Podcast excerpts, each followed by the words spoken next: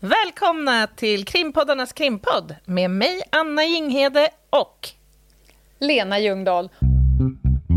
Och den heter ju Över min döda kropp. Du Vad sa hoppade jag? över det. Nej. Vad sa Vi Så måste här fan avsnitt sluta 76. podda mitt i natten. Det går inte. Och vi tar om den där då. Men behö- Nej, den satt. Den där får de, det där är fullgott.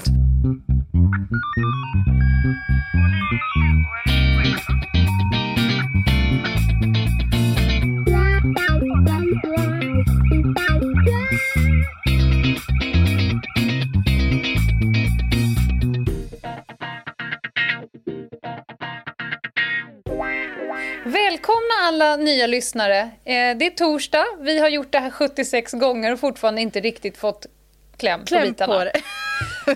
Men det är torsdag och torsdag betyder cirkus en timme eh, rättsväsende, blod. En, jag skulle vilja säga en timme hardcore krim. Det är därför vi är krimpoddarnas krimpodd. Ja. Mm. Utöver det så eh, poddar vi på måndagar och då är det veckans spaning och det kan bli bokstavligen allt mellan himmel och jord. ja, det kan det bli. Har du någon gång sagt så här, jag är inte bara tandläkare, jag är även... och så Nej, vidare och så vidare. Men det har andra sagt till mig. Mm. Typ, du är inte bara. Nej. Nej, det ska fan gudarna veta, att du inte är bara. Vi hälsar er välkomna. Eh, om ni vill ha mer av oss så finns vi på Instagram och kontot heter Ljungdahl och Jinghede. Där lägger vi upp eh, information om eh, dagens avsnitt. Vi delar med oss av vår vardag. Vi lajvar på lördagar klockan kvart över elva till kvart över tolv. Det blir nästan alltid en timma. Ja. Ja, men där är vi bjussiga. Men det är ju så himla kul också att hänga med våra lyssnare tycker jag. Vi har en härlig community. Vi finns på Facebook, inte något som vi är, kan ta äran åt, men det finns en Facebookgrupp som heter Över min döda kra- kropp. Över mitt döda kranium tänkte jag säga, men det, det, det är det för sig också. Ja, över mitt döda skeletterade material. Exakt, exakt. Och nu, det är jättemycket som pågår där. Där är det ju folk som diskuterar senaste avsnittet av Tjuv och polis efter varje söndag. Och eh, efter varje poddavsnitt så diskuteras det där. Vi lägger upp behind the scenes-foton och så vidare, och så vidare. Ja, men det är liksom bara ett jädrigt skönt place att hänga på. Det är lite som man förhöll sig till fritidsgården när man var i 12-års, 13-årsåldern, typ. Man glider in, möter lite sköningar, växlar några ord och så kanske man bara drar igen. Du jämförde precis vår fanclub på Facebook med rundpingis. Ja, vad är det för fel på det? Det är ju Absolut det är en inget. underbar aktivitet. Rundpingis slash hångelhörna. Hångelhörna är inte, för att admin på den här Facebookgruppen, de är hardcore. Det är god ton där inne som gäller, och det är det. Mår du? Utöver det så kan vi tipsa om att på Podstore så finns det merch att köpa, kanske världens snyggaste. Ja. Och på eh, supporterfunktionen i Acast-appen så kan man eh, skänka eh, oss edra eh, kulor så att vi kan fortsätta podda. inte kulorna, inte den minen! Nej, nej, nej, nej. Det, det gick ut. Donationer pratar vi om. passera. Nu ska jag säga det viktigaste av allt. Det var så, jag, jag känner att jag blev anslagstavlan helt plötsligt. Ja, lite så. Men Ja, jag tycker men nu ändå kommer det det viktigaste av allt. Och varför jag pratar så mycket är för att du kommer prata resten av avsnittet idag. Så att jag tar min airtime precis just nu. För sen kommer du trycka på sänd och så kommer jag somna. Förmodligen. Ja. Nu kommer det viktigaste av allt. På lördag, Anna, då fyller vi ett år. Ja, Poddis. herregud. Poddis har lärt sig att gå.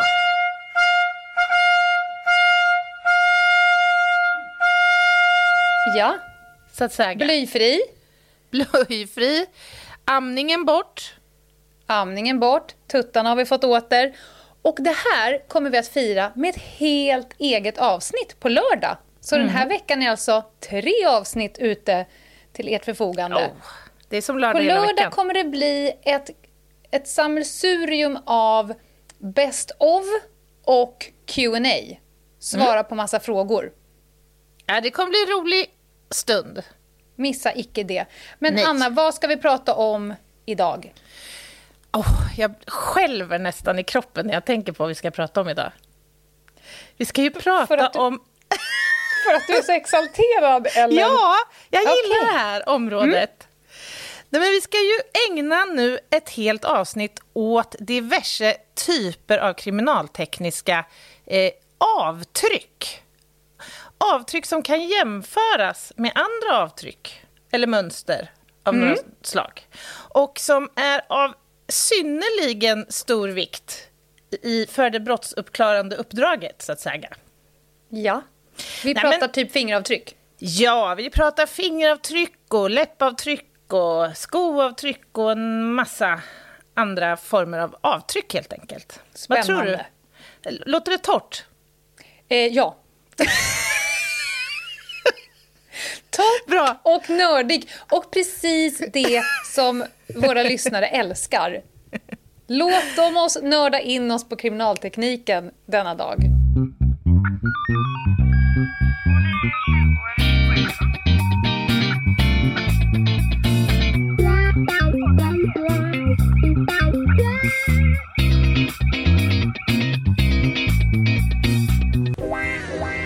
Kriminaltekniker Anna Jinghede började sin bana som tandläkare. Därefter blev hon rättsodontolog innan hon till slut blev polis. Inom polisen har hon främst arbetat som kriminaltekniker men även varit en av landets två rättstandläkare.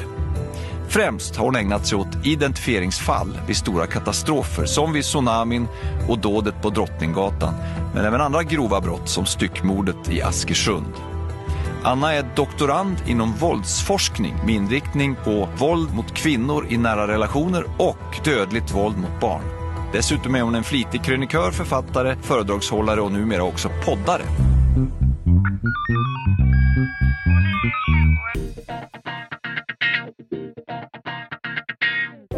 Nej, men så här. Många av de här principerna som vi använder idag inom mm. den moderna kriminaltekniken, de är faktiskt väldigt gamla. Man skulle ju kunna förledas att tro att vi jobbar väldigt mycket high-tech och liksom, ja men du vet, coola, tekniska, högsofistikerade lösningar alltid. Mm. Men det gör vi inte. Utan vi jobbar i, i mångt och mycket med metoder som var de samma för drygt hundra år sedan. Bara det tycker jag är ganska häftigt på något sätt. Eh, fanns det kriminaltekniker polisiärt för hundra år sedan? Nej, inte polisiärt, men det fanns antropologer bland annat. Mm, mm. Bland annat en mycket känd sådan som du genast kan lägga på minnet. Alphonse mm. Bertillon. Jag vet inte hur det uttalas, han är fransos. Men ja. något i, i, i, den stilen. Alltså han, Alphonse var den som kom på att man kan utnyttja olika kroppsliga mått.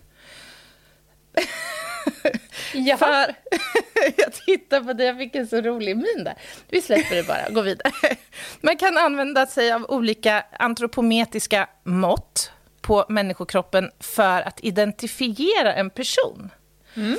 Alltså han förstod att vissa mått hos en individ eller vissa strukturers utseenden är unika för en, en individ. Och det här är en princip som vi borde kunna utnyttja på något sätt. Mm. Så han var liksom en föregångare kan man säga för att då inrätta det system som i mångt och mycket används idag inom signalementsläran. Alltså principerna mm. är de, de samma. Eh, han var också uppfinnaren kan man säga av våra klassiska mugshots. Mm. Det här att ta bilder framifrån och från sidan och sådär för att liksom fånga upp de här olika egenskaperna hos, i det här fallet då, sådana som sitter frihetsberövade. Och, och det mugshot, det är alltså de här jävligt deppiga bilderna där någon håller i en skylt och ser allmänt tandlös och misärisk ut om man, om man googlar på mugshot. Exakt, mm. precis. Vi har för övrigt även en sån som omslagsbild till vår podd. Ja. eh, han, och, och liksom den här, det här tankesättet kan man säga, det blev liksom startskottet också för fingeravtryckens eh, era. Mm. Eh, han börjar titta liksom på andra så mer specifika egenskaper eh, hos oss som kanske skulle kunna användas eh, ytterligare då för det här, eh, det här ändamålet. Eh, och jag tror jag nämnde det inledningsvis att många av de här metoderna som vi pratar om idag, de bygger ju på jämförelser. Så förenklat så kan man säga så här att även om jag har 20 olika spår säkrade på en brottsplats som handlar om avtryck, fingeravtryck till exempel, så har jag mm. ingen glädje alls av dem om jag inte kan jämföra dem mot någonting. Nej. Så det här tänker jag är ganska viktigt att förstå redan. Men hela det här med avtryck och det, det började alltså som en identifieringsgrej och sen har det någon gång längs årens lopp klivit över och också blivit brottutredningsunderlag? Eh, ja, så skulle ja, man kunna okay. säga förenklat. Jo, vi behöver kunna jämföra våra spår mot någonting. Eh, och det är inte den enda förutsättningen som liksom måste vara uppfylld, utan när vi kommer till en brottsplats och letar efter den här typen av spår, då måste vi ju för det första hitta dem. Och många av dem, alltså fingeravtryck och andra typer av skoavtryck och massa andra typer av spår, är, är inte alltid varken synliga eller lätta att hitta. Så vi måste Nej. vara ganska kreativa när vi funderar på var de här spåren kan sitta. Så förutsatt att vi hittar dem och sen kan dokumentera dem eller säkra dem, som det kallas på kriminalteknikspråk, mm. så ska mm. vi sen då kunna ta med dem hem till vårt labb och processa dem eller framkalla dem. Så att vi kan sen jämföra dem. Så att du förstår, men, det är en massa procedurer här involverat. Men det med att hitta spår, hur länge sitter de kvar? För jag tänker, skulle jag eh, bli mördad här i min eget hem och det skulle mm. komma du och göra en brottsplatsundersökning och leta fingeravtryck, om man nu mm. tror att jag inte har dött naturlig väg. Mm. Om man skulle kolla fingeravtryck, tänk miljön som jag sitter i här nu, runt mitt skrivbord. Mm. Här skulle det då från eh, livets start, från det hamnade ett skrivbord här, ni kommer hitta en djävulsk mängd med fingeravtryck. Alla som ja. har besökt med alla kompisar, barn, mm. eh, städare, och hantverk och så vidare, så vidare. Ni måste ju få så fruktansvärt många fingeravtryck. Sitter de för alltid och för evigt? Mm. Ja, men här är flera frågor. Om man inte har tvättat det såklart. Ja, men precis. Men det här är ju, det, för det första är det flera frågor igen. Det ena rör ju så här, var ska vi leta efter avtryck? Mm. Det är klart, om du nu anträffas död i ditt arbetsrum, då, då är det en bra plats att leta på. Ja. Eh, annars så kanske det skulle vara en av de sista platserna i ditt hem att leta mm. på, eftersom det kanske är den plats som du tillbringar mest tid på. Och vi mm. förväntar oss att hitta dina avtryck. Nej, men vi måste utgå från liksom vad vi känner till om fallet, hur du är placerad i rummet, hur, du, hur vi tror att du har bragts om livet, är det något föremål eller tillhygge som används, Ja, och I ett sånt fall så kanske inte just fingeravtryck heller är det som är mest gångbart runt kroppen, utan den här personen som du eventuellt har bjudit hem till dig, ni kanske har, vad vet jag, druckit en kopp kaffe innan det här dådet, eller mm. han har greppat tag om ditt dörrhandtag så vi kan leta mm. specifikt där, eller det är klart, vi försöker alltid leta på platser där vi tänker oss att ytan är så ren som möjligt från andra avtryck. Men det är inte mm. alltid möjligt och då måste vi försöka att separera dina avtryck i det här fallet då från en eventuell gärningsperson. Och frågan om hur länge avtryck sitter kvar, alltså ett fingeravtryck kan sitta så länge så att det i princip etsas fast i ytan. Lite beroende mm. på vad det är för typ av yta skulle man kunna mm. säga. Sen går det väldigt lätt också att förstöra fingeravtryck om man till exempel går på med något mekaniskt, en trasa eller en borste mm. eller något sånt där. Mm. Så att eh, det beror på, skulle man kunna säga, hur länge de sitter. Ja. Eh, det första fallet eh, i domstol, det var 1910 i USA, när fingeravtryck liksom fick en väldigt, väldigt viktig roll. Eller det är i alla fall det som omnämns ofta som det första. Eh, och det handlar då om ett mordärende och där gärningspersonen hade råkat sätta sina fingrar i en nymålad fönsterkarm på väg Trist. in på brottsplatsen. Ja. Och därmed också avsatt sina fingeravtryck. Mm. Och då när man hittade dem där så kunde man sen när man hade en misstänkt person jämföra och det visade sig att det, det var den här personen och han kunde dömas för det här mordet. Mm. Eh, och jag nämnde att det finns olika typer av såna här jämförande spår eller avtryck. Fingeravtryck, tandavtryck, fotavtryck, skoavtryck, läppavtryck, öron. Alltså man kan utgå från en massa olika delar på vår kropp som är så pass unika så att de kan hjälpa oss att besvara frågan vem har varit på den här platsen eller vem har vidrört det här föremålet. Öronavtryck har jag faktiskt varit på plats när kriminaltekniker har eh, lyft. Spännande, Någon som har stått berätta. och tryckt. Ja, men, jag minns inte riktigt ärendet, men det var i alla fall en, grov misshandel i eh, lägenhet. Och då kunde man se på kameran eller hur det var, men någon som i alla fall stått och tryckt. Det var liksom ett öra mot dörren, ganska tydligt. Eh, Mm. Kan man tänka de- sig de- att... de ly- någon hade stått typ och tjuvlyssnat. Ja, just det. Mm. Ja, vad intressant. För det är faktiskt inte jättevanligt att man hittar de där avtrycken. Eh, men det är ju ett typexempel på ärenden där man kan göra det. Om någon Mm. har stått och lyssnat liksom för att höra om det är något, någon hemma, till exempel i en bostad. Mm. Så man kan tänka sig att inbrottsärenden är en sån här typiskt Mm. ärende, typ när man skulle kunna förvänta sig att hitta dem.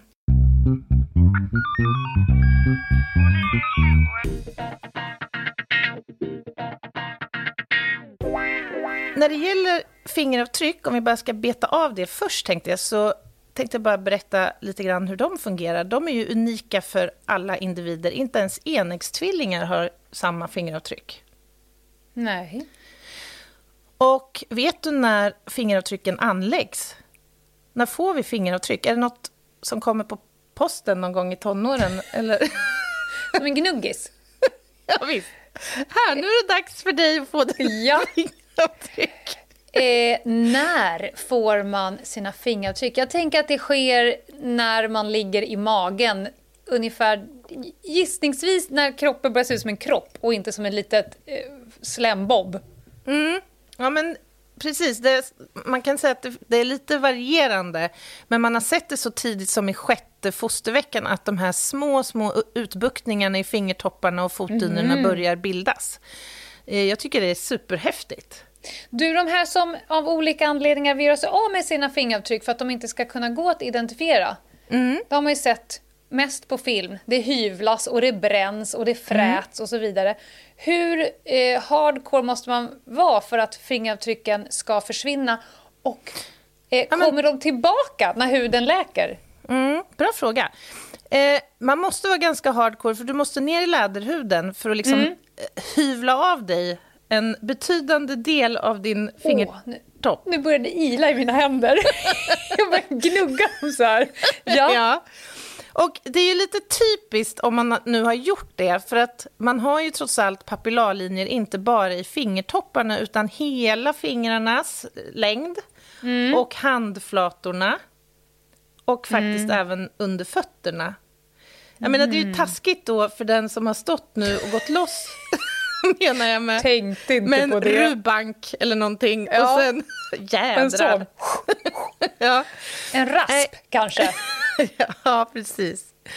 Ehm, nej, men så att man måste gå ganska hårt åt sina stackars fingrar i så fall. Men kommer det tillbaka om huden liksom läker? Det beror på hur djup skadan är. För att om Ja. den går ända ner i liksom det lager där de här eh, vindlingarna och väckningarna, eh, väckningarna kan man säga har sitt ursprung eh, i underhuden så, så kommer de inte kunna att bildas helt Nej. enkelt. Men om man däremot har en väldigt ytlig skada som läker, då kommer de komma tillbaka. Men jag är det ju tänker där här- man har bränt sig, eh, den huden kan bli så väldigt glatt efteråt. Den blir nästan som en glasyta.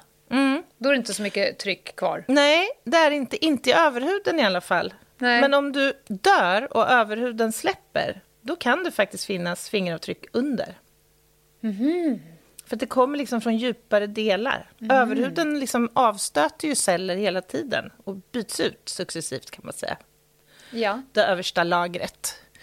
Eh, och det är också så här att om man nu får en skada i en fingertopp så ökar ju det egentligen bara din grad av unikhet. Förstår du vad jag menar? Alltså det gör ju bara att ditt fingeravtryck blir ännu mer unikt om du också får en skada i ditt redan unika fingeravtryck. ja, men det är som någon skosula med ett visst eh, spår, typ. Vans-spår. men så har du också, pronerar du kraftigt så att du sliter den på ett unikt sätt. Ja, ja men exakt samma sak. Nu har en till fråga. Ja. Jag tänker fingrar, läppar öron. Eh, Allt egentligen som har med kropp att göra. Det borde ju, när du avsätter det, eh, avtryck så borde det också avsättas DNA, eller? Ja, är inte såklart det gör. bättre att söka DNA än att söka en, ett läppavtryck? Det är ibland inte så många läppar som inte har DNA. Nej, men det är ju så här att för att du ska få DNA så måste du först och främst ha tillräckligt många celler i Ja. ditt spår. Du måste också ha celler som du har DNA i och i tillräcklig mängd så att du får ut en DNA-profil. Så det bästa är ju att du kan, om du kan jobba med båda delar. Ja. Det vill säga att du säkrar läppavtrycket genom foto till exempel på ett bra sätt och sen topsar det, så får du både och. Ja. Och sen när det gäller just läppavtryck, där har du ytterligare en unik komponent. Det kan ju vara, ja, men låt säga att du ser ett läppavtryck på ett glas på en brottsplats. Som är, eh, låt oss säga pärlemoskimrande. Ja, då är det inte jag. Då har fru Ginghede varit där och slafsat. Ja, precis. Men det är Det är också inte så... Rouge. Nej, precis. Utan då kan man också tänka så här, jaha, här sitter det någon slags färgad substans som ser ut som läppglans. Då kanske det mest troligt talar för att det är en kvinna som har varit på den här platsen. Och själva glanset i sig är också unikt. Skulle man sedan misstänka någon person, i, i det här fallet då mig själv, så skulle man kanske kunna eftersöka mitt gloss hemma och faktiskt också på det sättet visa att det överensstämmer. Eller inte. Eh, man kan ju tro att fingeravtryck bara är ett sammelsurium av olika liksom, ränder egentligen. Har du någonsin tittat på hur dina fingeravtryck ser ut? Eller har du liksom avsatt dem? Eller... Ja, på, Ja. på kriminaltekniken. Ja, just det. På Och en gång på. Polismuseet när jag skulle visa en unge hur man gjorde. Vad kul. Men för den som inte har gjort det så kanske det kan vara kul att veta att vi har ju lite olika typer av karaktäristiska former i fingeravtrycken. Och då brukar man prata om tre huvudgrupper eller tre huvudtyper. Och det är bågen, virveln och eh, slingan. Eh, och den vanligaste varianten är eh, de här slingorna. Helt enkelt. 60 procent av befolkningen har slingor som huvuddominerande eh, mönstertyp och 35 procent virvlar och 5 procent har bågar. Vi kanske ska lägga upp på vårt Insta efter det här avsnittet eh, lite olika fingeravtryck med där du beskriver vad som är vad. det kan vi göra. Absolut. Men du, har man... Eh, nu är det kanske korkat, men har man liknande fingeravtryck... Alltså min högra hands fem fingrar. Mm. Kan man se att de här fingeravtrycken hör ihop? Inte Eller alltid. kan, jag ha, kan det se ut som att det är fingeravtryck från fem olika personer på min hand? Mm, det kan det göra. Okej, Så så, jag kan ha helt unika. Jag kan ha virvlar Ja. och svirvlar Ja. och slingor och Ja, på, på olika fingrar. ja det kan du ha. Okej. Absolut. Och inte nog med det, du har även en massa, liksom, går du ner sen och tittar i fingeravtrycket, då har du bifurkationer och du har deltan och du har en massa olika väldigt specifika detaljer. Du kan till och med gå ner och se hur dina svettporer sitter i fingeravtrycket, som är unikt. Och när vi ändå pratar om svett så kan vi ju nämna det att svett är ju en ganska tacksam sak för en kriminaltekniker om man letar efter fingeravtryck. För, för det är ju egentligen utsöndringsprodukter från fingrarna som avsätts på en yta. Det blir som klister. Ja, det kan man säga. Och du som har jobbat mycket med narkomaner vet ju att det kan ju variera en del, eller det kanske inte du vet, men, men vissa droger gör ju att man dels torkar ut, man avsätter inga spår alls. Nej. Du, du vet de här smackande munnarna, muntorrheten och det, det drabbar ju liksom hela kroppen. Så då kan det vara jättesvårt att hitta fingeravtryck. Medan andra som är lätt svettiga, som mig själv till exempel, avsätter väldigt lätt flottiga fingeravtryck. Ja, men det kan man ju se när man kommer fram och de har lite pärlor på överläppen. Ja, ja Mm. men exakt. Och sen kan det, det kan vara hudkräm eller hormonella förändringar också såklart som spelar in. Så det är lite Mm. olika. Eh, och eh, förenklat så kan man säga så här att det finns en massa olika metoder som man kan använda för att framkalla fingeravtryck. Och vilken man använder beror på vilket material som fingeravtrycket sitter på. Så sitter eh, fingeravtryck på en porös yta, då finns det en uppsättning labbmetoder man kan använda. Och sitter på en oporös yta så finns det andra, helt enkelt. Ja. Eh, flera av de här metoderna, och framförallt eh, en som kallas för cyanoakrylatmetoden, eller superlimmetoden, har du hört talas om den? Eh, nej. Nej, den eh, uppkom av en slump. Jag tror historien, jag är lite dåligt påläst, eller jag minns inte riktigt exakt, men som jag, som jag minns det så var det så att en sån här superlimtub glömdes kvar i typ en verktygslåda eller motsvarande. Och när den här verktygslådan hade stått en stund eller några veckor eller så, liksom det här limmet hade då förångats lite grann i verktygslådan och ägaren av den öppnar den så sitter det en massa fina fingeravtryck där inne på insidan. Och då förstod man att hmm, det är någonting som händer med superlim när det förångas och om man vill framkalla fingeravtryck. Så det är en av de vanligaste eh, metoderna som man använder för oporösa material. Ja, eller hur?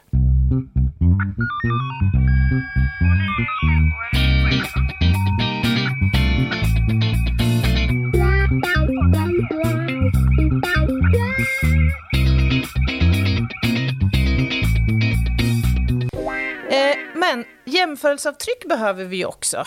Om vi återgår till dig som exempel. Om vi nu har samlat, låt säga 20 fingeravtryck hemma hos dig, så behöver vi ju kunna avfärda dig från de här 20. Så att vi letar efter de som är intressanta för att förklara vad som har hänt på platsen. Och nu är ju du död. Gud, Ja. vad hemskt. Jag har inga som helst problem att se det. Det är tisdag, jag känner mig rätt död. alltså Okej, när du vi ligger spelar där. in. Ja. Vad sa du? Ja, du ligger där nu på obduktion. Ja. Jag har varit där och spårsäkrat på din kropp. Och jag kommer också att eh, ta dina fingeravtryck. För jag antar att jag inte kommer hitta dig i polisens register. För att du inte har varit misstänkt för brott tidigare. Nej, det stämmer. Nej. Ja. Och då finns det eh, massa olika sätt att göra det här på. Man kan använda vanligt kolpulver, det tror jag de flesta har sett på CSI eller annat lämpligt eh, kriminal-tv-format. Eh, Jag tror du man skulle säga också- annat lämpligt skitformat. det är din åsikt om CSI. Ja, lite så. Mm. Har du legat nu, låt säga, du har legat där och, och liksom ruttnat till dig Mm. en tid. Du kanske inte har upptäckts förrän en, en tid senare. Då kan det vara svårt med kolpulver. Så då kan jag antingen eh, använda mig av kokmetoden, som är FBI's metod som de lärde ut faktiskt under tsunamikatastrofen när många var i så dåligt skick och det var svårt att få de här avtrycken. Då stoppar man ner... kok? Ja, Ja. då behöver man en vattenkokare helt enkelt. Och så stoppar man ner dina fingrar i den och då kommer din fingerblomma att eh, spännas ut. Och så kommer jag kunna ta dina fingeravtryck. Ett annat sätt är att spruta in alkogel i dina fingerblommor. ja. Så att jag spänner ut din eh, skrumpna... skrumpna... ja. Kan Och du beskriva sista- fingerblomma? Tycker du att det här börjar bli makabert, Anna? Use me, Jag tycker honey. det är lite Use me. obehagligt att prata om dig som död. Okej, jag ska skärpa mig nu. Fingerblomma. Jag har en fingerblomma som du har kokat i tekokaren och nu ska doppa ner i alkogel. Och jag Om jag dör, eller rätt sagt när jag dör Anna. När Åh, jag dör. Anna, då vill jag bara bli undersökt av dig. Eller ligga i bodyfarm. Ja. Nej, okej. Jag har ändå inte då berättat om den metod som kanske kommer verka mest eh, makaber i sammanhanget. Det är om du har blivit så stadd i förruttnelse så att din överhud har lossnat. Ja. Då kommer jag sätta den på mina egna fingrar. hold, hold the fucking it! Nu fick jag en så stark lammen tystnar. It puts lotions on the skin. Gud. Nej, men det är Vänta, sant. vänta, vänta, vänta. Du tar min hud som har lossnat från min kropp. Du tar din hand och sen trär du min hud på din egen hand. Ja, på, på respektive finger. Kan sen vi säga jag. att du har en handske på dig först? Ja, ja, ja, naturligtvis. Det kommer jag att ha. Har du gjort det här någon gång? Ja, det blir jättefina fingeravtryck. Men hello insta moment! kan vi få det på bild eller? om du gör det här någon gång och du skulle ja. råka ta ett litet fotografi ja. och visa upp detta, till exempel mm. på en meme. Jag ja, kan alltså... tänka mig x antal roliga saker att skriva på den här memen.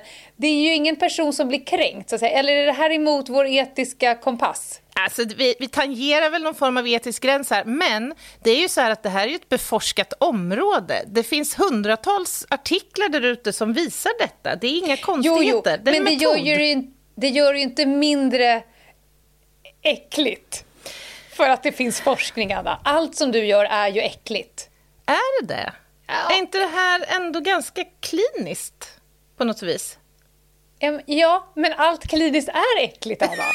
ja, okej, okay, ja, vi har väl okay, olika... Men tänk i alla fall, du kan, du kan bolla lite tankar med dig själv. Nästa mm. gång du står med din hand och har mina fingertoppar trädda på dina, då kommer jag att jag, jag ger dig här med mitt samtycke att göra en rolig insta-moment av det här.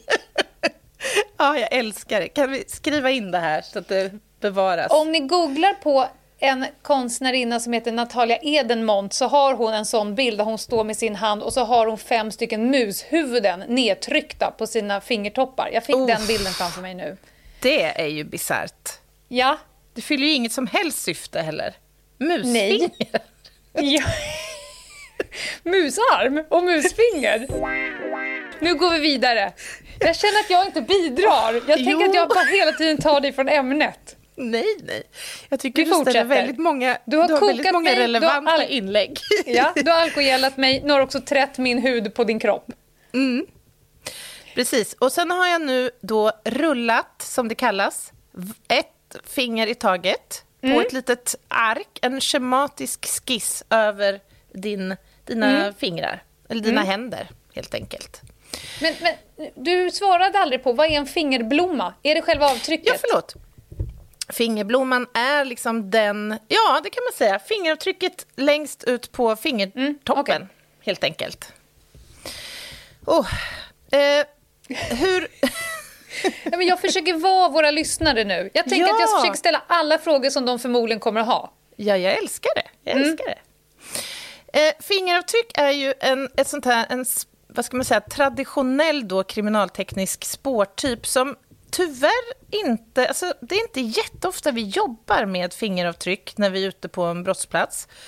Eh, och det är synd, för dels så är det väldigt roligt att leta efter fingeravtryck och dels är det, om man hittar fingeravtryck och när mm. det är lämpligt att söka efter då naturligtvis, kan det vara väldigt gångbart.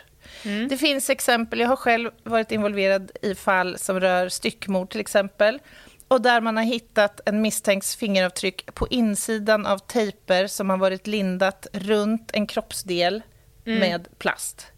Det, det, är ju väldigt svårt att förklara bort att ens mm. fingeravtryck sitter där. Jag skulle säga det är den vanligaste, om jag får prata lite knark, det är den vanligaste eh, undersökningen som görs när man hittar stora mängder eh, knark i folks bilar, hem och så vidare. Då har de ju alltid förklaringar till varför någon har skänkt eh, 10 miljoner kronors knark mm. till dem. Det, någon tycker väldigt, väldigt bra om mig, men det är i alla fall inte mitt. Spårsäkring, Precis. alltså tejpet på, för när man ska eh, sätta emballage på knark, Mm. Mycket, någon ska ta bort lukten och något ska ta bort liksom mm. allting. Och det ska på något hölje och sen ska det tejpas och så vidare. Så hittar vi nästan alltid fingeravtryck mm. i den här hanteringen och mm. matchat tejp. Den här avrivna tejpbiten som sitter på emballaget här, du hade mm. din städskrubb maskeringstejp mm. från en måleri. Och se, det var perfekt match, tejp mot mm. tejp. Sammanpassningsspår, det kan vi ägna ett annat avsnitt åt, för det finns ja. massa olika exempel på också. Mm. Men det är också jättebra att du nämner det där, Lena, för att det där är ju typexempel då på ärenden när det är väldigt bra med fingeravtrycksletning, eh, mm. eller vad man ska mm. säga, säkring. Eh, för att om den som inte har provat kan ju testa att paketera ett litet emballage med handskar och mm. tejp. Det är inte ja. jättelätt. Handskar plus tejp är en, en, det är en svårighet. Ett aber, ja. Det är ett aber. Mm. Eller ett debacle.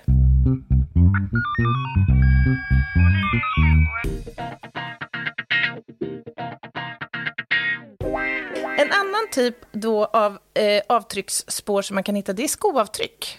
Och det är mm. också ett eh, spår som är väldigt vanligt på brottsplatser såklart. Vi har ju trots allt ofta skor på oss när vi rör oss i omgivningarna. Det händer. Det händer. Eh, och de finns av lite olika varianter. Man brukar prata om två och tredimensionella spår. Och det är ganska lätt att förstå att tredimensionella spår kan uppkomma om man till exempel kliver ner i en lervälling eller i snö eller någonting som kan ge en tredimensionell avbildning, helt enkelt. Mm.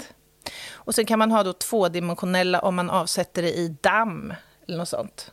Mm. Och hittar man delar eller hela skoavtryck så är det jättebra såklart att jobba med, förutsatt då återigen att man har någonting att jämföra mot. Och då kan det ju vara till exempel att man har gripit en person som är misstänkt för brottet och man har tagit dennes skor i beslag. Eller att man gör husrannsakan hemma hos en person och hämtar in skor. Ja, det jobbar vi mycket med i Teamwork, Tjuv och polis, både säsong 1 och säsong 2. Alltså ja. ni säkrar skoavtryck på brottsplats. Mm. Mm. Vi fladdrar ju runt, dels när folk har blivit gripna och gör en husrannsakan i bostäder. Då tar mm. vi ju inte in 48 par skor, utan då får ju vi ett foto.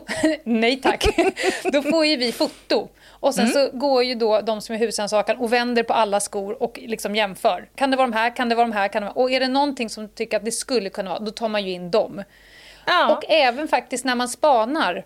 Så att vet jag att det har funnits ett par skor på en brottsplats och jag spanar på random människor, då är vi jävligt intresserade av att filma skorna när de mm. sitter på ett visst sätt. Man kanske till och med kan filma undersidan om de, jag sitter på någon parkbänk någonstans och så. Ja. Och saken är den att ibland kan det ju vara bara en liten, liten del av ett skoavtryck man hittar, men just den delen som man ser på en plats kan vara så unik så att man mm. tack vare vår skospårs, eh, eller skodatabas kan hitta en modell som har just den här eh, specifika egenskapen, då, eller mönstringen eller vad det nu kan vara. För det är också Kommer jättebra... Du ihåg, förlåt, ja. men kommer du ihåg eh, Tjuv polis säsong 1? Var inte du på en sån här plats med oss eh, när jag sprang in i ett tomt hus och började jo. fota skorna eh, snabbt innan den som var, hade fick, huset skulle komma hem och du stod... Ja. Jag fick djup och svår ångest, kan jag säga. Det är så roligt att vi har liksom olika, för mig det är mm. noll stresspåslag. Att vara Aj. dolt hemma hos någon och springa runt och fota, det, det är men, peanuts. Medan du står och trär hud på dina händer. Ja, men grejen är den, jag var inte ens med på platsen. Du ringde mig så här, jag står här nu, ska jag springa in och fota dem? Nej, nej, för fan. Kan du göra Ja, ja, det, det är lugnt. Jag låg typ i fosterställning medan det här pågick, kan jag säga. Jag tyckte det var oerhört, oerhört jobbigt. Roligt. Ja. En fråga. Du pratade om ja. tredimensionella fotspår. Mm. De, jag har ju sett att ni kör med såna här eh, papper. Vad heter de? Ja, men det finns lite olika varianter. Det enklaste är ju, och det jag tror du tänker på, det är gelatinfolier. Mm, de, här som, det, de som ligger i kylen. Exakt. Mm. Det är alltså gelatin helt enkelt, i, som finns i olika färger beroende på då vad det är för ja, eh, förhållanden kan man säga i övrigt och vad vi tror är bäst. För det är nämligen så att hittar vi skospår så kan vi förstärka det med till exempel kolpulver innan vi lyfter det på den här mm. folien. Mm. Man kan också lyfta det med en elektrostatisk metod. Det är de här mm. långa folierna som vi rullar ut och som vi kopplar till ström. Så vi får ett... Eh, ja, eh, suger upp en, det liksom? Precis, man suger upp i damm helt mm. enkelt. Men är det tredimensionella spår i snö till exempel, då måste vi först försöka säkra det genom att fota det ordentligt, fotografera det ordentligt. Och sen kanske vi försöker lyfta spåret med hjälp av gips. Just det, ni fyller liksom upp håligheterna. Ja, exakt. Ja. Mm. Och så får vi en avgjutning, helt enkelt. Och då får man ju tänka, det här är lite överkurs, men då får man ju liksom en spegel, eller en inverterad, mm. eh, ett inverterat avtryck om du förstår mm. vad jag menar. Eh, så det här är, det är en hel vetenskap kan jag säga det här. Eh, och det man kan titta på, vi pratade lite om sulmönstertyp, det är ju såklart givet att man kan eh, eftersöka en skomodell utifrån vilket mönster det är på sulan och en specifik sko kopplat till en person. Om man har då vissa ytterligare detaljer skador i sulan till exempel är jättebra. Det som du var inne på tidigare, det här om man har en speciell gångstil som gör mm. att de slits på ett visst sätt. Eller mm. det kanske sitter främmande material i sulan som vi har hittat på brottsplatsen. Växtdelar eller blod eller någonting annat. Så att, och man kan såklart också titta på storlek, men det är lite vanskligt för att sul, sulans storlek motsvarar sällan liksom fotens storlek. Och man vet ju inte om den, just den här personen som har burit skon föredrar väldigt stora eller väldigt små skor. Eller så där. Ja. Ja. ja men... men, och sen var det också roligt, för ni hade ju massa, massa, massa eh, skoavtryck. Det var också ganska många skofetischister i teamet på Tjuv och polis. Ni kom ut och vi bara direkt bara, det där är ett par Vans, det där är ett par Converse, uh. det där är ett par Air Force One, det där är ett par såna jävla sockerplastskor. Det var ganska snabbt att åtminstone kunna säga vad det är för märke vi letar efter. Fast det där är ju faktiskt otroligt tacksamt. Man mm. gillar ju det när någon säger den där känner jag igen. Jag tror mm. att det där är en Vans-doja. För mm. då har man ju genast liksom kunnat avgränsa. Även om Vans har gjort 700 olika modeller så har man ju ändå sluppit att leta bland 7000 modeller. Eller ja, men exakt. Och i det här fallet kunde man också titta eh, på... Alltså man jämför ju skoavtryck med det man ser på bild, alltså på rörligt material. Är det någon som har Vans? Mm. Ja, mm. precis. Har man bilder så är ju det såklart ännu mer tacksamt. Mm. Och även om man inte ser vilken skomodell det är så är det ju tacksamt för att man vet ungefär på vilken plats man ska leta mm. efter skoavtrycken. Mm. För man ser var en person har satt ner sina fötter helt enkelt.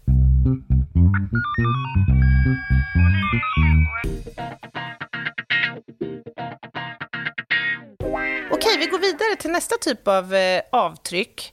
Eh, jag tänkte bara helt snabbt nämna tandavtryck och bitmärken, för det är också en sån här jämförande eh, avtryckstyp. Det har vi varit inne lite på om. i tandavsnittet, va? Exakt, så jag tänkte mm. inte liksom lägga så mycket krut på det, mer än att säga att de är också väldigt unika. Mm. Så man kan binda, om man hittar ett tandavtryck eller ett bitmärke som är vanligt vid till exempel sexualbrott, på en kroppsdel så kan man säkra det där eh, avtrycket och jämföra mot en person som misstänks. Eller, eller som ska exkluderas för den delen. Ja. För det är lika du sa att du skulle kunna identifiera mig snabbt, för jag har ju en tand som är roterad. Det som ska mm. vara in och ut är fram och bak. Mm. Mm. Precis. Det är väl unikt? Eller? Den är, är inte unik? Du är unik. Du har, du har att jag är unik på något sätt. Eh, roterad eh, tand som kommer vara oerhört tacksam för mm. mig att jobba med. När du står där med min hud på dina händer. Ja. ja. Men mm. jag noterade att du eh, eh, impregnerade, höll jag på att säga, att du la på ett härligt lager läppstift innan sändning. Mm. Så låt oss eh, uppehålla oss lite kring keiloskopi en stund. Keiloskopi? Ja. Okay. Läppavtryck. Mm. Låt oss. Ja, låt oss. Det är faktiskt en typ av avtryck, eller vad ska jag säga, kunskap vad gäller då jämförande undersökningar som är lika gammal som fingeravtrycken. Mm. Vi har ju visst har jag nämnt Henry Locard i något avsnitt? Ja, med lite fuktig blick. Locard principen. Loka ja, bra Lena. Locards princip tackar. som säger att när kontakt sker mellan två personer eller en person och ett föremål, då kommer spår att överföras mm. från det ena till det andra hållet. Mm. I båda riktningarna, så att säga. Han, Locard, det var han som faktiskt eh, förstod att även läpparna borde kunna utgöra en bra källa för unika mönster och som kan användas om man ska identifiera en person. Eh, så att, och det här är en subspecialitet kan man säga till rättsodontologin. Det är väl kanske inte så svårt att förstå. Nej. Även, även läppavtrycken är unika mellan olika personer och också identifierbara redan i fosterlivet. Så i, i sjätte fosterveckan fick du dina snygga läppar?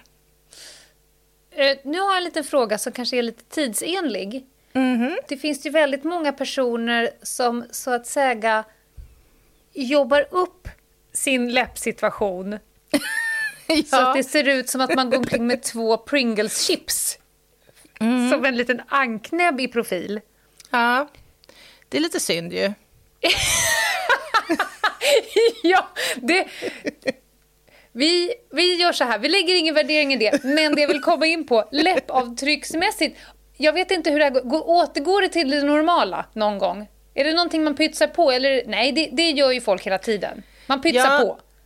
man måste fylla på ja, med fillers och så. Det bryts ju ner. Det är ju, vissa av de där medlen som sprutas in ska ju liksom inte vara i kroppen. Kroppen är ju finurlig och kommer ja. Bryta ner det. Put, helt bort. Men det jag skulle komma till, om jag begår ett brott och har avsatt mitt eh, läppavtryck och naturell mm. och tänker att nu ska jag sopa igen spåren här. Jag springer, mm. rusar och stad ja. och, och tjoffar in vad det nu de tjoffar in, bacon ah, i läpparna. Jag förstår hur du tänker här nu. Ja? Och du kommer här nu och gör ett läppavtryck på mig. Kommer du ändå kunna säga att it was you? Mm, det beror på. Det För det beror på vilken del av dina läppar som jag har... vad konstigt det låter. ja. Det beror på Keep vilken going. del av dina läppar som jag har lyckats säkra på brottsplatsen. Ja. Därför att man kan ju titta på massa olika parametrar här. I, om man tittar noga på sina läppar så ser man att man har olika, re, alltså man har som räfflingar ju, på mm. fåror på mm. läpparna. Men om man tittar på 100 individer så kommer man snabbt konstatera att det skiljer sig ganska väsentligt åt hur de här räfflingarna ser ut. Och tittar man, detaljstuderar man dem så kan man även här hitta då små bifurkationer som det kallas i fingeravtrycksvärlden och små, små liksom avvikelser i hur de här linjerna mm. löper. Eh, så att man kan till och med dela in, om man har 100 människor så kan man dela in dem i fem eller sex grupp, huvudgrupper. För att vi har olika typer av mönstringar. Ja. Eh, men om man då ska jämföra som i det här exemplet som du nämner så kommer man kunna direkt kanske avfärda en parameter som såklart ingår när man ska göra jämförelsen, nämligen att se så att dimensionerna överensstämmer, för den är ju förändrad då. Ja. Har man från början väldigt smala läppar så är det i sig ett observandum eller en, ja, en faktor som kan vara eh, till hjälp. Mm. Så då får man istället titta på andra saker som då, ja, framför allt de här specifika detaljerna i mönstren. Men är, läpp, är läppavtryck lik, finns det lika många läpp, alltså unik, är det lika unikt för mig som mitt fingeravtryck? Eller finns det två personer som har likadana fåror? Så här är det att när det gäller studier på läppavtryck så är det mycket, alltså det finns inte så himla mycket. Okay. Okay. Så att mm. man kan inte svara på den frågan, men man vet att det finns väldigt många unika fynd och ju fler man hittar, desto mer mm. unikt blir det. Sen får man förhålla sig till en sån här jämförande undersökning som vilken annan typ av bevisning som helst, nämligen att den får värderas i domstolen. Ja. ja. Eh, och när är det här intressant då? Ja, men föremål nämnde jag, på glas eller fimpar, till exempel på en kropp. Mm. På en eh, munkavle kanske, som har suttit eh, på en, insidan av en tejp om någon har hållits frihetsberövad och man inte vet vem den personen är, till exempel. Mm. Så det kan finnas ett antal tillfällen när det faktiskt är eh, bra. Och det kanske är det enda spåret man har att jobba med på platsen. Mm. Och då kan det ju mm. vara väldigt, väldigt viktigt. Och det som är så bra med de här, eh, den här typen av avtryck det är att de funkar på ungefär samma sätt som fingeravtryck när det gäller att framkalla dem och förstärka dem så att man kan se dem. Så det är mm. samma metoder man, man kan använda för, för de här Vänta, som hold fingeravtryck. It, hold it! Jaha? Kommer du nu ta mina läppar och sätta på dina läppar? Nej, det kommer jag inte Någonstans göra. här sträcker inte mitt samtycke sig. Jag kanske kokar dem. Kokar dem, ja, absolut. Kokar dem, alkoholar dem. Men om, du, om jag har tappat överhuden på läpparna, trär du dem då på ditt ansikte? Nej, där tror jag faktiskt... Eh, det, det tror jag inte ens skulle funka faktiskt. Nej, okej. Okay. Så att, nej, det kommer jag inte att göra. Jag kommer inte överhuvudtaget röra dina vackra läppar i döden. Jag kanske kommer måla dem på mm. sin höjd. Please do.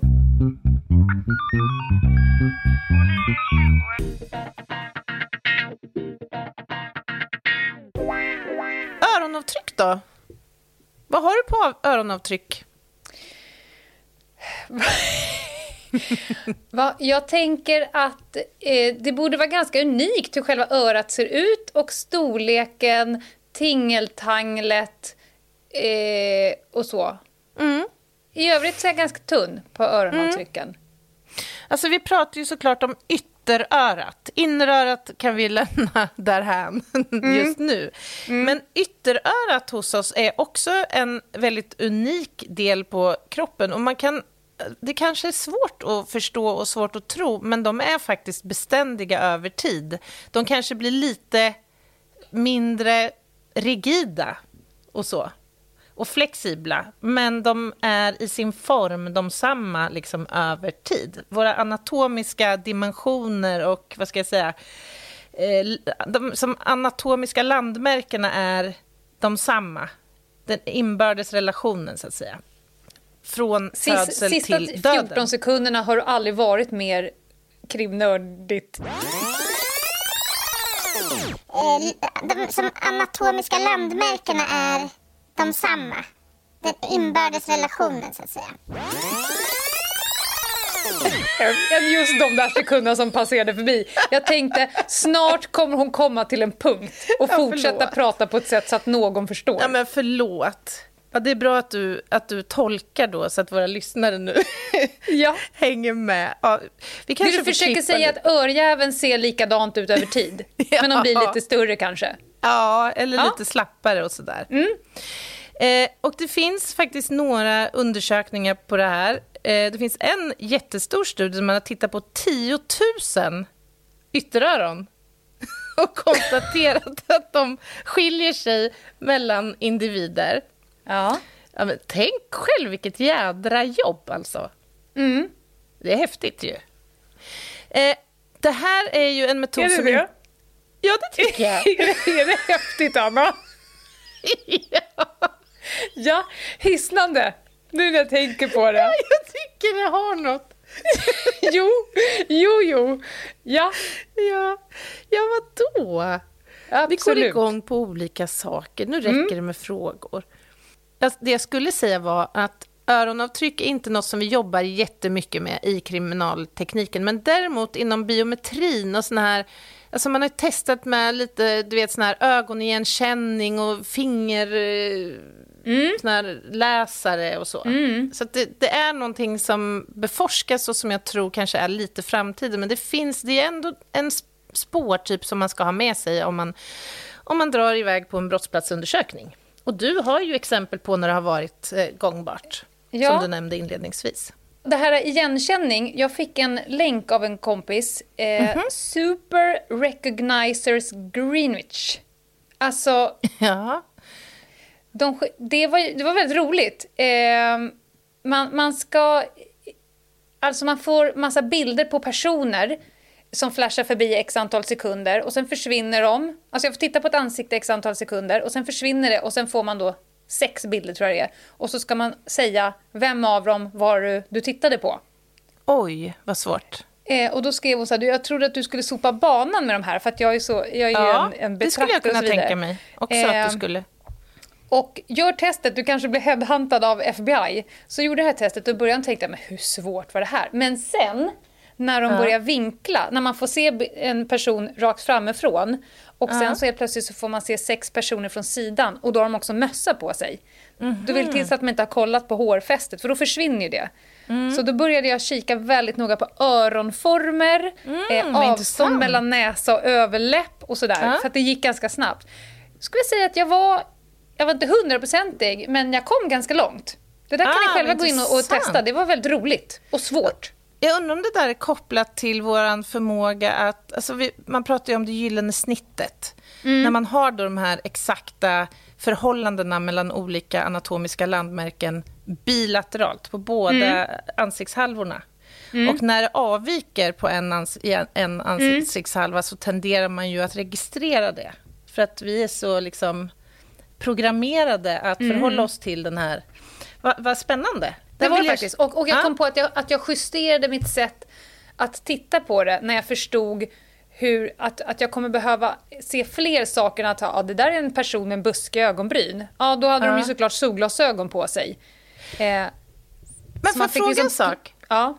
Tror du att det där är kopplat till att du har tittat på väldigt mycket människor? Förstår du vad jag menar? Att du yrkesmässigt Mm. har jobbat upp en färdighet. För jag skulle ju förmodligen få ett rätt på ett sånt test, tror jag.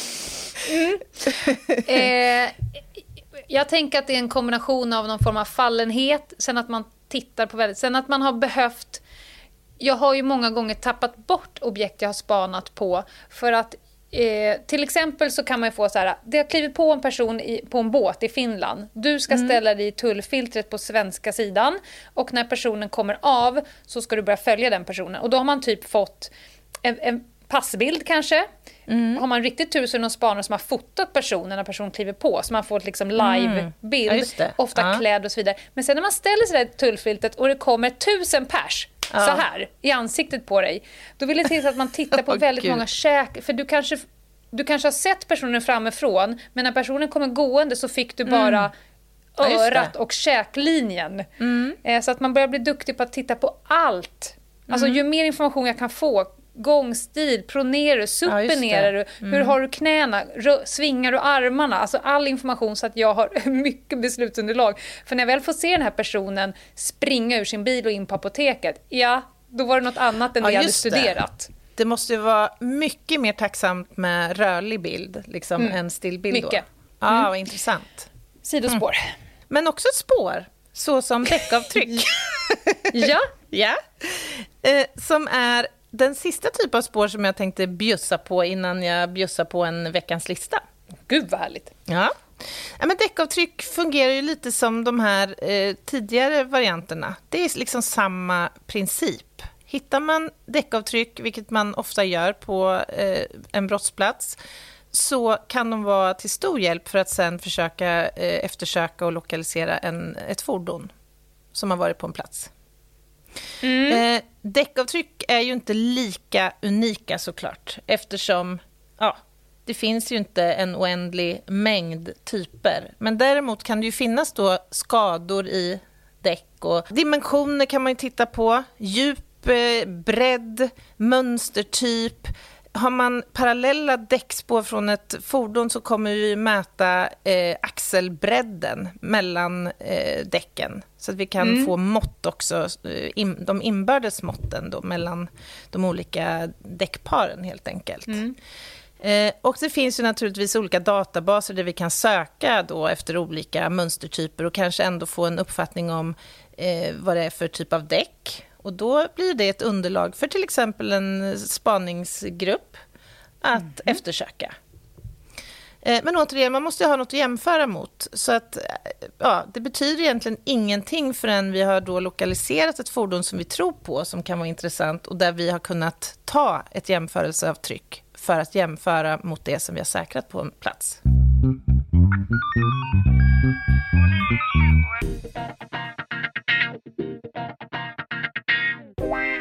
Nu har jag betat av ett antal typer av spår som man kan jobba med på eh, en brottsplats, om man hittar dem. Det är inte alltid givet, men det finns metoder för att visualisera så kallade latenta spår med till exempel kolpulver eller någonting annat.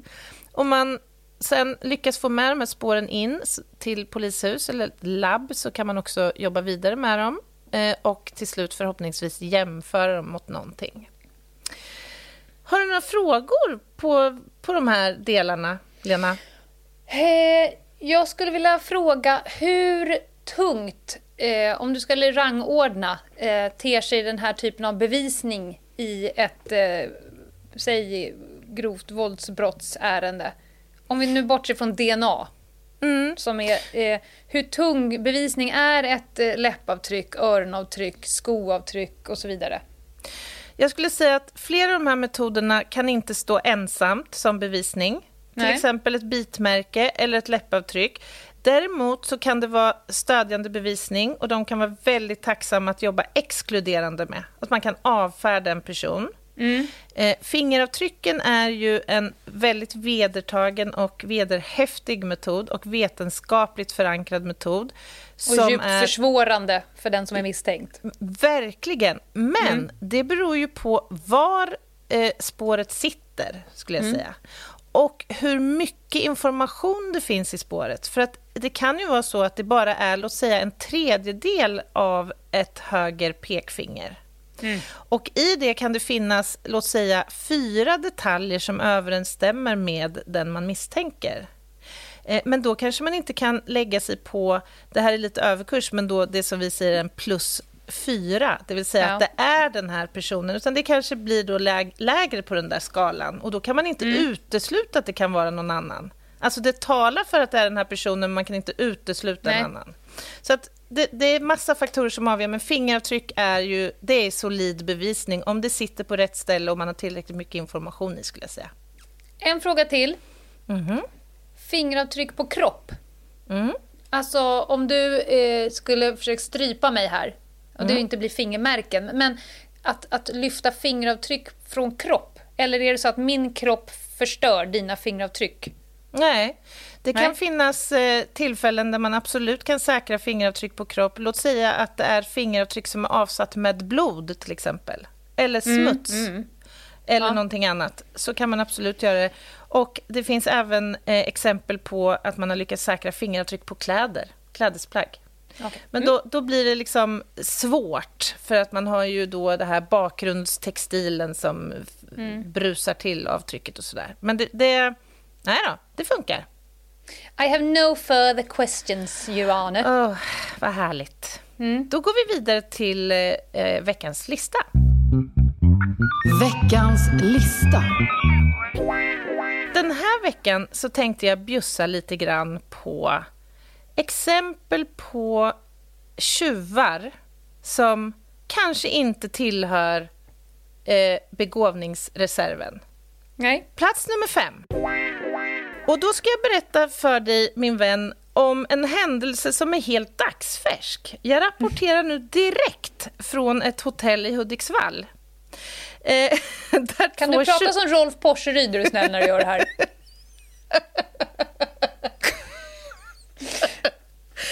Inte?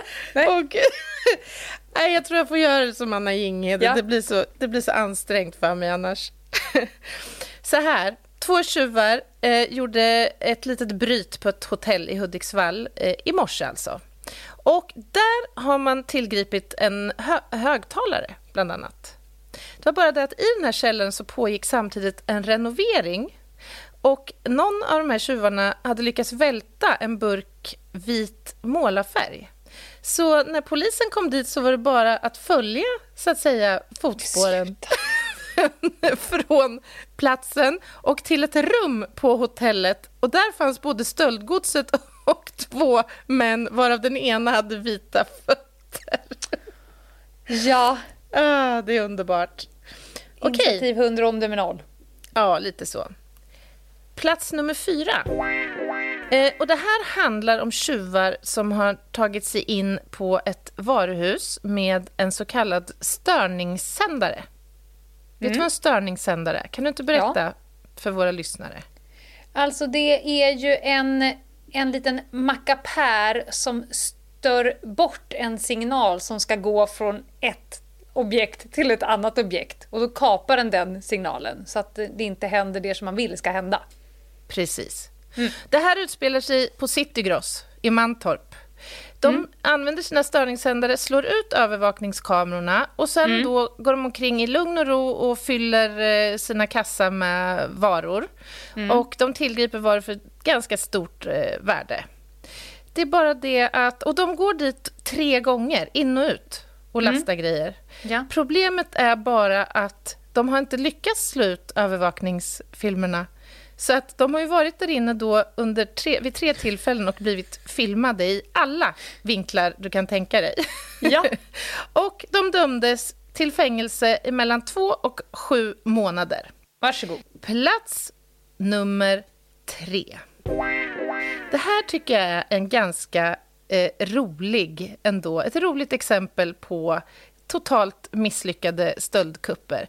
Nu handlar det om ett inbrott i Sundbyberg där två tjuvar bröt sig in. Eh, de skulle stjäla då en kassaapparat och eh, de hade nog som utgångspunkt att vi tar det som finns eh, där inne som verkar intressant.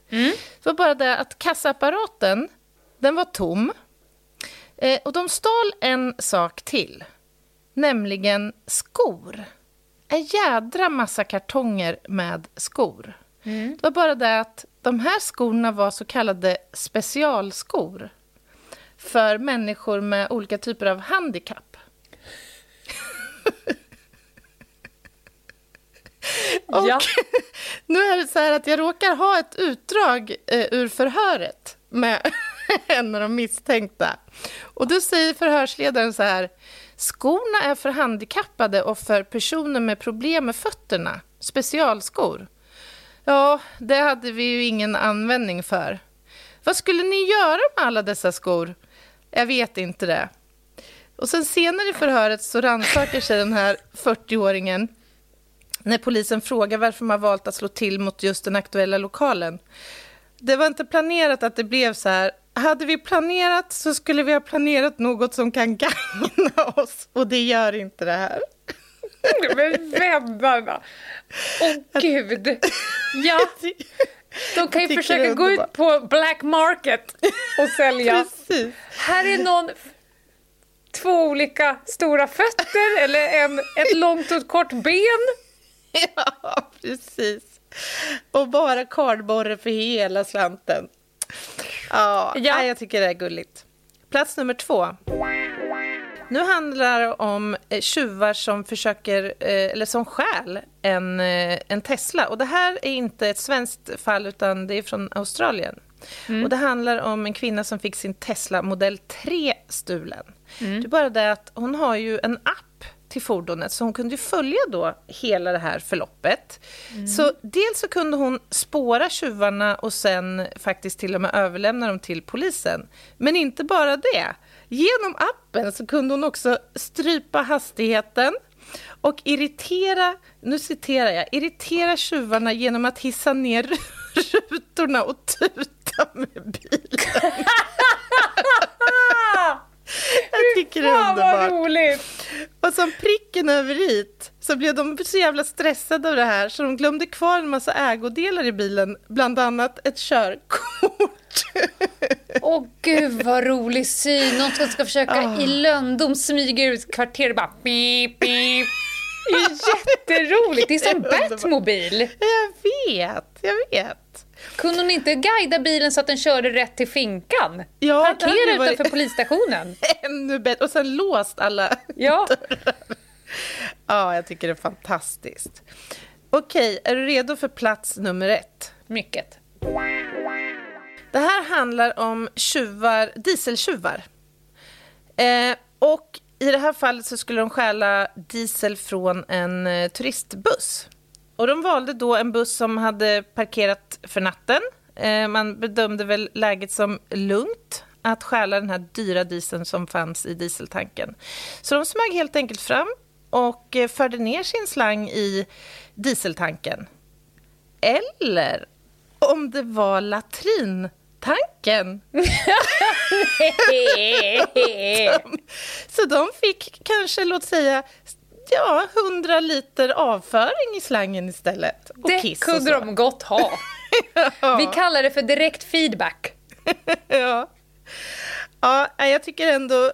Det måste ju ändå kännas lite speciellt att ha på sitt tjuv-CV att man har slangat kiss och bajs. På något Ja. vis. Det, Man ska ha en jävligt smal fetisch. Det är ju outsiders. Det är ju, för det första är det en britt och sen är personen med på outsiders. Som, Ja. som har ett behov av 100 liter kiss. ja, och vuxenblöja. Ja.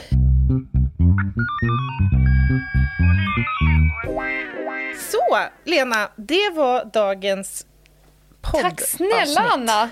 Det här var intressant, det var roligt, det var lärorikt. Det var massa avtryck. Vad sa du? Det var äckligt också. Det var äckligt. Eh, nu laddar vi om inför lördagens avsnitt som blir Best of. Det blir Över min döda kropp fyller ett år och det blir Q&A för hela slanten. Alltså kan vi kalla det lite för en ÖMDK-festival? Rent utav. Vi spänner bågen, på lördag blir det festival, det blir pompa och ståt. Jag ska hyra in några människor som kommer här med, med panflöjt. Åh gud, vad jag längtar. Tills dess, allihopa, ha det fint. Vi hörs på lördag. Ha det. Ha det! Bye, bye.